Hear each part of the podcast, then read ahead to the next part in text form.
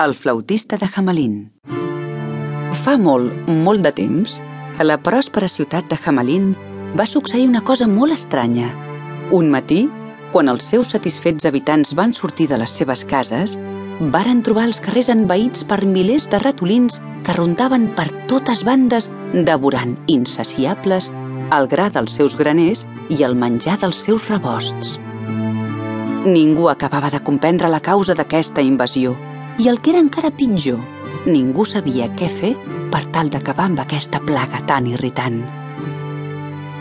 Per més que pretenguessin exterminar-los o almenys foragitar-los, semblava que cada vegada venien més i més ratolins a la ciutat. Tal era el nombre de ratolins que dia rere dia s'apoderaven dels carrers i les cases, tant que fins i tot els mateixos gats fugien espantats. Davant la gravetat de la situació, els prohomes de la ciutat, que veien perillar les seves riqueses per la voracitat dels ratolins, van convocar el Consell i digueren «Donarem cent monedes d'or a qui ens lliuri dels ratolins». Al cap de poc, es va presentar davant seu un flautista taciturn, alt i desgarbat, a qui ningú havia vist mai abans i els digué «La recompensa serà meva. Aquesta nit no quedarà ni un sol ratolí a Hamelin». Dit això, va començar a passejar pels carrers i mentre passejava tocava amb la seva flauta una meravellosa melodia que encantava els ratolins que sortien dels seus amagatalls seguint encantats les passes del flautista que tocava incansable la seva flauta. I així, caminant i tocant, els portà a un lloc molt llunyà, tant que des d'allà ni tan sols es veien els murs de la ciutat. Per aquell lloc passava un riu capdalós i a l'intentar creuar-lo per seguir el flautista, tots els ratolins van morir ofegats. Els jamalinesos, al veure's per fi lliures de les voraces tropes de ratolins, van respirar alleujats. Ja tranquils i satisfets, van tornar als seus pròspers negocis i tan contents estaven que organitzaren una festa per celebrar el feliç desenllaç menjant excel·lents viandes i ballant fins molt entrada la nit. Al matí següent, el flautista es va presentar davant el Consell i reclamar als prohomes de la ciutat les 100 monedes d'or promeses com a recompensa.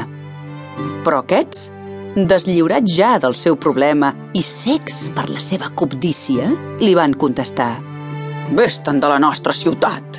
O potser pensaves que pagaríem tant d'or per tan poca cosa com per tocar la flauta?» I dit això, els prohomes del Consell de Malín li donaren l'esquena esclatant a riure. Furiós per l'avarícia i la ingratitud dels jamalinesos, el flautista, al igual que havia fet el dia anterior, va començar a tocar una dolcíssima melodia una i altra vegada, insistentment.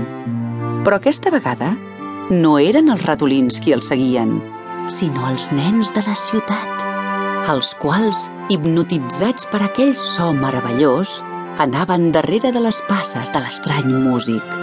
Agafats de la mà i somrients, formaven una gran filera sorda als precs i crits dels seus pares que en va, entre plors de desesperació, intentaven impedir que seguissin el flautista. Res aconseguiren i el flautista se'ls endugué lluny, ben lluny, tan lluny que ningú no sabia on.